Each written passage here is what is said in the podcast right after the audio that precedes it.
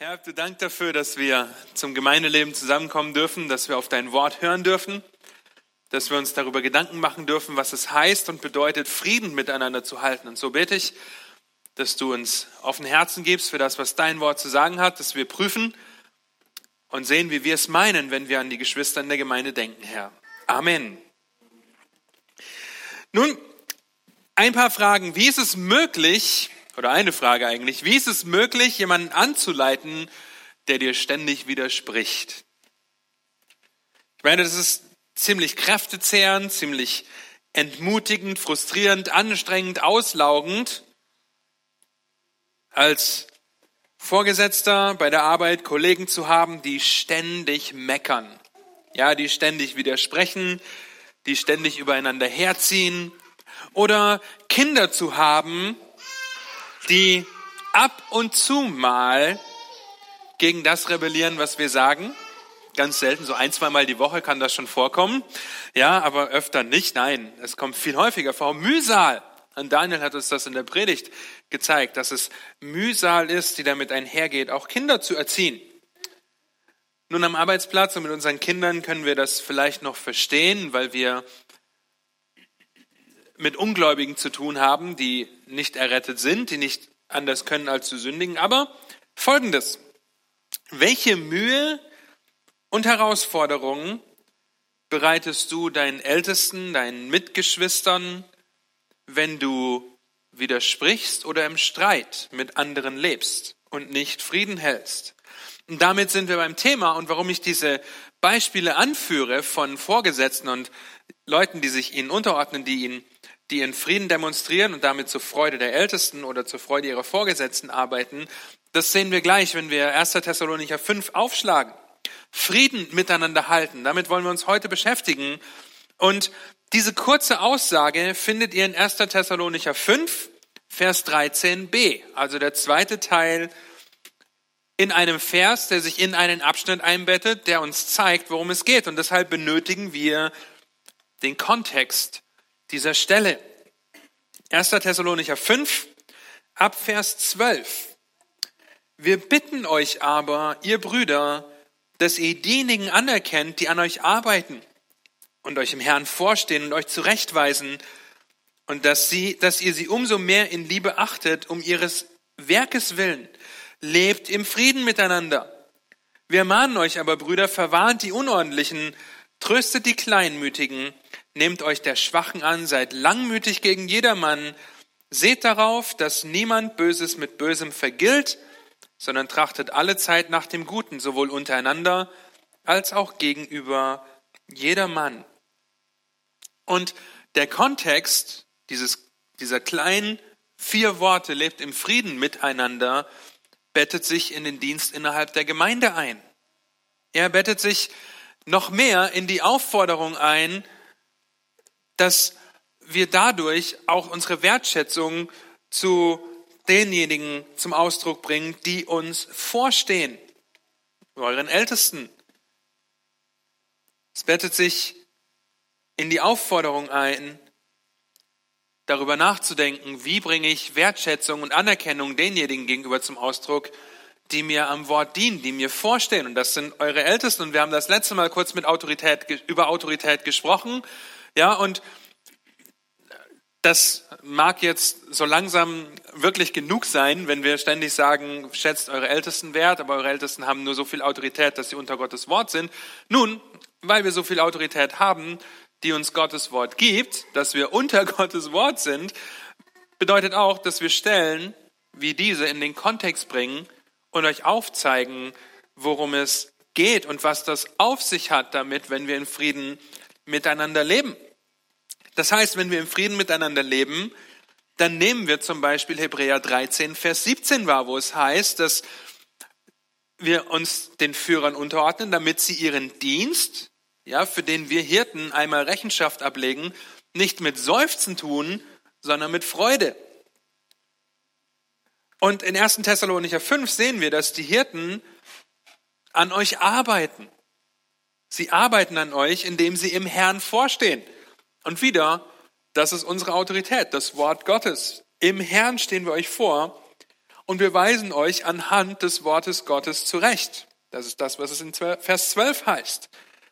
Und diesen Hirten gebt ihr Anerkennung, gebt ihr Wertschätzung, wie es hier heißt. Das heißt zum Beispiel, ohne hier als Hirte zu stehen und jetzt zu sagen, ihr müsst mein Gehalt erhöhen, aber das heißt zum Beispiel auch, dass ihr das durch Finanzen zum Ausdruck bringt, die ihr der Gemeinde gebt, um den Dienst der Gemeinde und eurer Hirten zu ermöglichen. Aber nicht nur das, ihr bringt diese Liebe auch zum Ausdruck, indem ihr ihre Arbeit wertschätzt. Ja, indem ihr in Frieden miteinander lebt.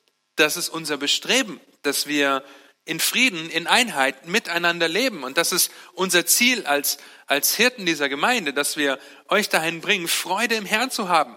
Wir schauen uns gleich noch eine Stelle dazu an, die beinhaltet, dass wir im Frieden miteinander leben. Also der Kontext davor spricht von euren Hirten und die Verse danach sprechen davon, wie das aussehen kann, Frieden miteinander zu halten. Verwarnt die Unordentlichen, tröstet die Kleinmütigen, nehmt euch der Schwachen an und seid langmütig gegen jedermann. Das bedeutet also, sich in einer liebenvolle, liebevollen Art und Weise umeinander zu kümmern. Ja, das seht ihr in Vers 15 auch, dass wir nach dem Guten trachten und nicht Böses mit Bösem vergelten. Wir kümmern uns liebevoll umeinander. Wir trachten danach, wir streben danach, Frieden zu halten. Und wenn wir Vers 14 anschauen, dann sehen wir auch, dass Frieden halten nicht bedeutet, für immer über Sünde im Leben des anderen zu schweigen oder Missverständnisse auf keinen Fall auszuräumen, weil ich will ja niemandem auf die Schuhe treten. Ja, ich soll ja in Frieden mit allen leben. Nein, das ist nicht Frieden halten. Ja, das ist nicht Frieden halten. Das ist eher, und das sind jetzt harte Worte, Hass und Zwietracht säen, weil deine Gedanken ausschlaggebend dafür sind, ob du Frieden hältst oder nicht. Und Sprüche 27, Vers 6 ist sehr deutlich, wenn es sagt, treu gemeint sind die Schläge eines Freundes, aber reichlich sind die Küsse des Hassers. Das heißt, um ein Freund zu sein, der Frieden hält, möchte ich auch auf Sünde ansprechen, wenn es sein muss, den Unordentlichen verwarnen, den Kleinmütigen trösten, im Leben des anderen teilhaben. Ja, mit einem Feind kann ich nur in einem scheinbaren Frieden leben. Einen Waffenstillstand aushandeln, wenn ihr so wollt. Aber ich werde ihm nicht zur Seite kommen. Ja, ich werde ihn nicht anspornen zu Liebe und zu guten Werken, weil eigentlich haben wir ja nichts miteinander zu tun, aber es ist gerade gut, dass wir keinen Krieg haben miteinander. Wenn ich dein Feind bin, dann wirst du kein Gehör bei mir finden und ich auch nicht bei dir. Ja, weil wir alles dran setzen werden, diesen Waffenstillstand so lange wie möglich hinauszuzögern. Die Küsse des Hassers in Sprüche 27, Vers 6. Ja, ich überschwänge dich hier mit, mit Lob und Komplimenten, nur damit wir im Frieden miteinander leben obwohl vielleicht ein Missverständnis oder sogar eine Sünde zwischen uns steht, die ausgeräumt werden muss, die ich aber einfach zudeck, wo ich dich nicht zurechtweise, wo ich dich, dich dir nicht erlaube, mich zurechtzuweisen. Das heißt, ein Waffenstillstand ist nicht gleich Frieden haben. Ja, wir können Feind sein, uns nicht bekämpfen, aber das heißt nicht Frieden zu haben. Das heißt, Frieden zu halten ist gleich Freundschaft zu pflegen, ein Freund zu sein. Und da haben wir vorhin drüber geredet, dass wir Frieden halten, alleine aus dem Grund halten können, weil Gott Frieden mit uns gemacht hat. Das in der ersten Zeit gemeinsam betrachtet. Wenn ihr eure Bibeln aufgeschlagen habt, dann geht ein paar Bücher zurück, ein paar Seiten zurück in den Kolosserbrief. Kolosser Kapitel 3. Und vor zwei Wochen haben wir uns damit beschäftigt, wie wir und was wir, worüber wir miteinander reden. Und im Kontext von diesen Versen, die wir vor zwei Wochen angeschaut haben, Vers 16 bis 17, heißt es ab Vers 12, so zieht nun an, als Gottes auserwählte, heilige und geliebte, herzliches Erbarmen, Freundlichkeit, Demut, Sanftmut, Langmut. Ertragt einander und vergebt einander, wenn einer gegen den anderen zu klagen hat. Gleich wie Christus euch vergeben hat, so auch ihr. Über dies alles aber zieht die Liebe an, die das Band der Vollkommenheit ist. Nun, das zeichnet Freundschaft und Friede untereinander aus. Vers 15. Und der Friede Gottes regiere in euren Herzen. Zu diesem seid ihr ja auch berufen in einem Leib und seid dankbar. Hier finden wir, wie das aussehen kann und aussehen soll, Frieden zu halten. Nun, wie halten wir Frieden? Einige Punkte. Ihr könnt schon die Lücken ausfüllen, wenn ihr möchtet. Gehen nach und nach durch. Kolosser 3, Vers 12 bis 15 haben wir gerade gelesen. Wir halten Frieden zuallererst dadurch, dass wir uns daran erinnern, dass wir Frieden mit Gott haben, beziehungsweise dass Gott Frieden mit uns gemacht hat, dass er seinen Sohn nicht verschont hat und am Kreuz für uns geopfert hat. Er hat sein Leben für uns gelassen, als wir noch seine Feinde waren. Jetzt hat er Frieden mit Gott gemacht, dass wir Frieden haben können. Und deshalb sind wir in der Lage, Frieden miteinander zu halten. Das heißt, Frieden zu halten beinhaltet herzliches Erbarmen. Es beinhaltet Freundlichkeit, Demut, Sanftmut, Langmut, Ertragen und Vergeben. Wenn wir diesen Text lesen, ist das alles andere als ein Waffenstillstand zwischen Feinden. Das ist eine Freundschaft, die mit Herzlichkeit einhergeht. Und über Herzlichkeit hat Dieter schon geredet. Wie zeichnet sich Frieden noch aus? Ihr seht das hier. Wir nehmen Anteil an den Nöten unserer Geschwister. Und das ist nur eine kleine Auswahl, die wir hier sehen. Wir freuen uns mit den Fröhlichen und weinen mit den Weinenden. Ja, wir, sind, wir haben Mitgefühl. Wir treten, wenn ihr so wollt, in das Leben des anderen ein, um sie zu trösten, um uns mit ihnen zu freuen, um teilzuhaben an dem, was sie erleben, wo sie ermutigt, wo sie angespornt werden müssen. Wir haben dieselbe Gesinnung und halten uns selbst nicht für klug. Auch da haben wir schon drüber geredet, dass wir demütig sind. Wir streben aktiv nach dem, was den anderen erbaut. Wir freuen uns und lassen uns zurechtbringen, ermahnen und halten Frieden. Das heißt in 2. Korinther 13, Vers 10. Und zum Frieden halten, wenn ihr Jakobus 3, Vers 17 und 18 lest, die Weisheit, die von oben kommt, gehört, dass wir gütig sind, dass wir friedfertig sind, dass wir uns etwas sagen lassen, also belehrbar sind, dass wir barmherzig sind und unparteiisch. Das sind nur ein paar Stellen und ich möchte euch bitten, noch eine weitere Stelle aufzuschreiben.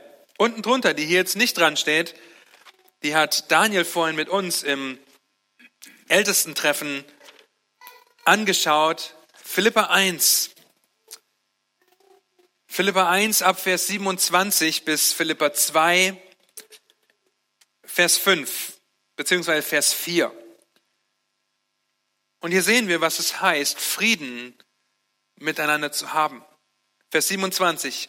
Nur führt euer Leben würdig des Evangeliums von Christus, damit ich, ob ich komme und euch sehe oder abwesend bin, von euch höre, dass ihr feststeht in einem Geist und einmütig miteinander kämpft für den Glauben des Evangeliums. Seht ihr, hier steht, wir sollen nicht gegeneinander kämpfen, sondern miteinander kämpfen. Vers 28, und euch in keiner Weise einschüchtern lasst von den Widersachern, was für sie ein Anzeichen des Verderbens, für euch aber die Errettung ist, und zwar von Gott. Denn euch wurde, was Christus betrifft, die Gnade verliehen, nicht nur an ihn zu glauben, sondern auch um seinetwillen zu leiden, sodass ihr denselben Kampf habt, den ihr an mir gesehen habt und jetzt von mir hört. Dieser gemeinsame Kampf für das Evangelium. Dann geht es weiter. Kapitel 2 ab Vers 1. Da es nun bei euch Ermahnung in Christus, Zuspruch der Liebe, Gemeinschaft des Geistes, Herzlichkeit und Erbarmen gibt, durch die Tatsache, dass wir errettet wurden, so macht meine Freude völlig, indem ihr eines Sinnes seid, gleiche Liebe habt, einmütig und auf das eine bedacht seid. Tut nichts aus Selbstsucht oder nichtigem Ehrgeiz, sondern in Demut achte einer den anderen höher als sich selbst. Jeder schaue nicht auf das Seine, sondern jeder auf das des anderen. Und dann kommt das Vorbild in Christus, wie er uns gedient hat, indem er es nicht wie ein Raub festhielt, Gott gleich zu sein, sondern sich entäußert hat. Das heißt, Frieden zu halten bedeutet, den anderen höher zu achten als mich selbst. Und das sind nur ein paar Stellen. Und wir kommen gleich noch zu ein paar Sprüchen. Aber die Sprüche sind voll davon, was es heißt, Freundschaft zu haben, Frieden zu haben. Und wenn wir uns diese wunderbaren Ergebnisse des Friedens anschauen, darüber lesen und darüber nachdenken, was es heißt, Frieden zu halten, und 2. Korinther 13, Vers 11 davon redet, dass wir Frieden miteinander halten, dass dann der Friede Gottes mit uns sein wird, dann müssen wir uns die Frage stellen, was macht einen friedlichen Freund eigentlich aus? Ja, Freund und Friede, das gehört zusammen. Wie werden wir zu Freunden, die Frieden stiften und die Frieden halten? Ich möchte euch sechs einfache Punkte geben. Sechs einfache Punkte, einfach aus dem Grund, ja, und einige kennen diese sechs Punkte vielleicht, damit wir vor Augen haben, was es heißt, ein Freund zu sein. Und das Ziel eines Freundes ist Sprüche Kapitel 2. Ja, und wir werden diese sechs Punkte anschauen anhand der Sprüche. Sprüche Kapitel 2. Sprüche 2, Salomo redet mit seinem Sohn, aber er zeigt seinem Sohn auf, dass die Furcht des Herrn, das Wort des Herrn, dass das Erkenntnis bringt, dass das weise macht, dass das kostbarer ist als alles andere. Ich lese Vers 6 und 7 stellvertretend aus Sprüche Kapitel 2. Denn Jahwe gibt Weisheit, aus seinem Mund kommen Erkenntnis und Einsicht. Er hält für die Aufrichtigen Gelingen bereit und beschirmt die in Lauterkeit wandeln. Und da wollen wir hinkommen als Freunde, die Frieden halten, dass wir uns zu Christus treiben, dass wir uns zu dem treiben, der Erkenntnis und Einsicht gibt, dass wir uns zu dem gegenseitig treiben, der Gelingen bereithält, der uns beschirmt, der uns dabei hilft, in Lauterkeit sogar zu wandeln. Das ganze Kapitel 2 in den Sprüchen ist ein wunderbarer Hinweis auf Gott. Die Weisheit, die er gibt und die Furcht, die ein richtiges Verständnis von Gottes Wort mit sich bringt. Und da wollen wir hinkommen. Da wollen wir euch sehen, da wollen wir sehen, dass ihr euch gemeinsam dort anspornt und hinkommt, um Frieden zu haben. Als Hirten verkündigen wir euch Gottes Wort. In den Wachstumsgruppen besprechen wir Gottes Wort und überlegen, wie wir die Weisheiten des Wortes Gottes auf unser Leben anwenden und uns gegenseitig ermutigen und anspornen, das auch zu tun. Deshalb beten wir zusammen, deshalb beantworten wir Fragen gemeinsam. Ja, deshalb, wenn du nicht Teil einer Wachstumsgruppe bist, dann werde Teil einer Wachstumsgruppe. Andreas. ja? Dich haben wir gerade untergebracht, da freuen wir uns sehr drüber. Also einfache sechs Punkte, die uns dabei helfen, darüber nachzudenken, was ich für einen Beitrag dazu leisten kann, Frieden zu halten, indem ich ein Freund bin. Erstens ist ein Freund fürsorglich. Sprüche 12, Vers 25, da heißt es, Kummer drückt das Herz des eines Mannes, aber ein gutes Wort erfreut es. Ich möchte fürsorglich sein. Ja, ich möchte dahin kommen, dass wenn ich Kummer im Leben eines Geschwisters, eines Bruders, einer Schwester sehe, dass ich an die Seite kommen kann und sie mit einem guten Wort erfreuen kann, ermutigen kann, anspornen kann, weiterzumachen. Die anderen Sprüche könnt ihr euch selber durchlesen. Zweiter Punkt. Sei ein Ratgeber. Sei fürsorglich, sei ein Ratgeber.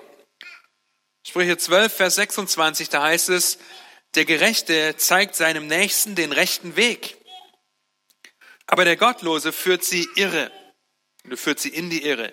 Und jetzt ist die Frage, wenn wir Sprüche 12, Vers 26 lesen, dann muss sich uns die Frage stellen, okay, auf welchen Weg bringe ich meinen Bruder oder meine Schwester, weil ich bin immer ein Ratgeber.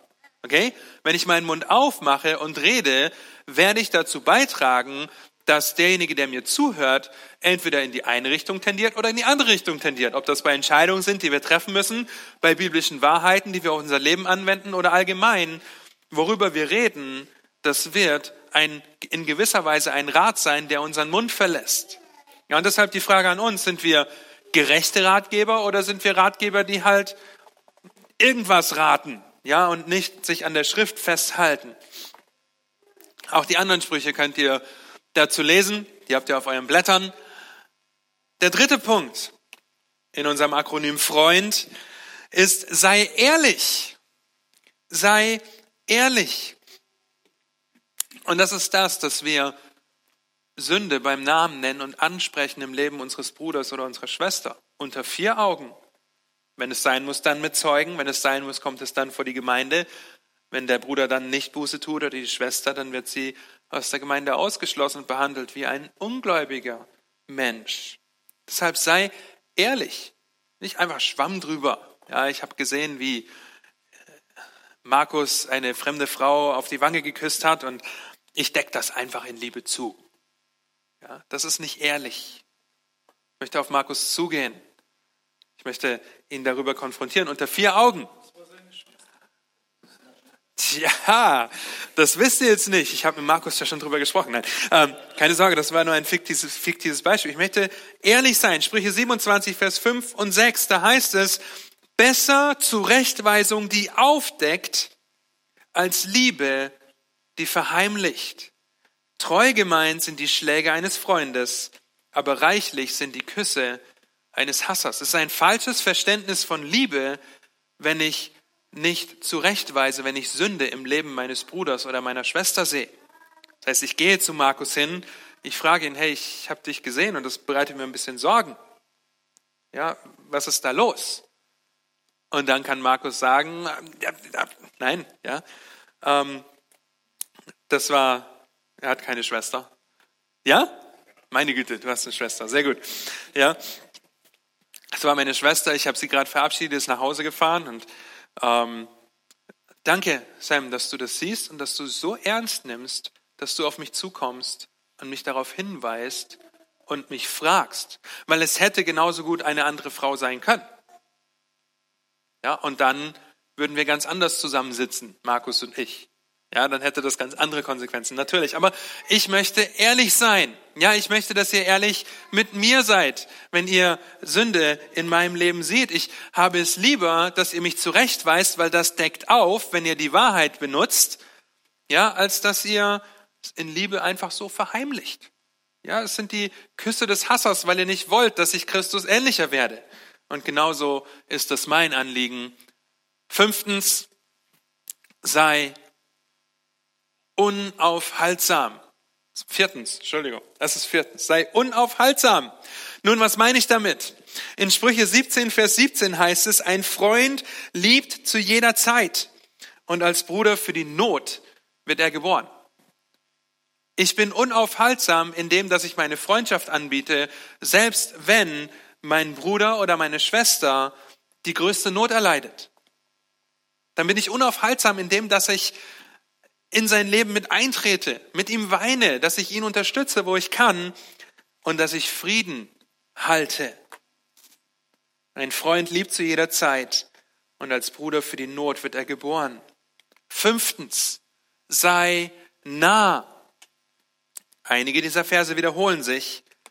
Sprüche 18, Vers 24 heißt es, wer viele Gefährten hat, der wird daran zugrunde gehen. Aber es gibt einen Freund, der anhänglicher ist als ein Bruder. Und das geht mit dem Unaufhaltsam einher. Ich möchte nah im Leben meines Bruders sein, meiner Schwester. Ich möchte wissen, was ihn oder sie beschäftigt, wofür ich beten kann, wo ich sie ermutigen kann, wo ich sie antreiben kann, wo ich ihnen helfen kann, anhand von Gottes Wort Christus ähnlich zu werden. Aber dazu muss ich meinen Bruder, meine Schwester kennen. Und hier vielleicht ein, ein kleiner Disclaimer, also ein kleiner Ausschwung. Es ist ratsam, dass du gleichgeschlechtliche Freunde hast, es sei denn, es ist dein Ehepartner.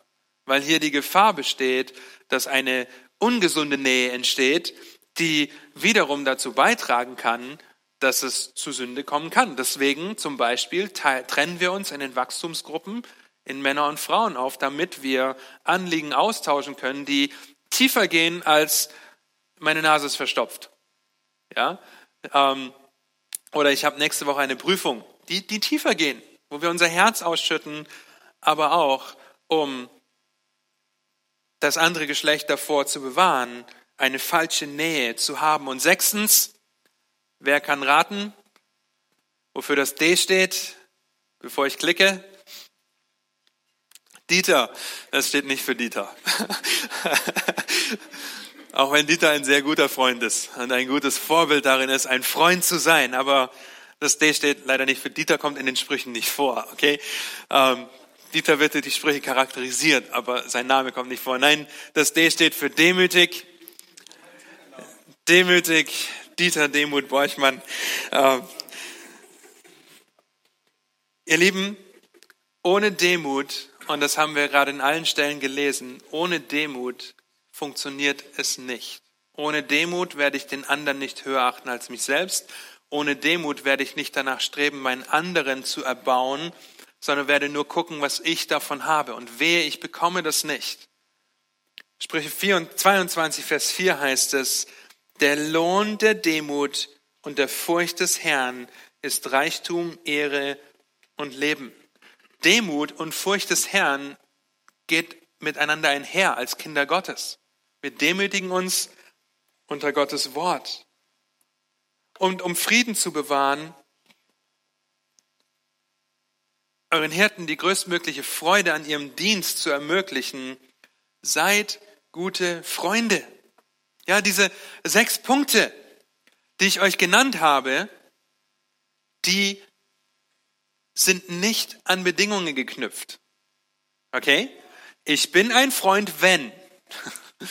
ja, wenn der andere mein Freund ist. Wenn der andere das tut, was ich möchte. Wenn der andere Zeit mit mir verbringt. Wenn der andere Freundschaft, biblisch gesehen, ist nicht an Bedingungen geknüpft.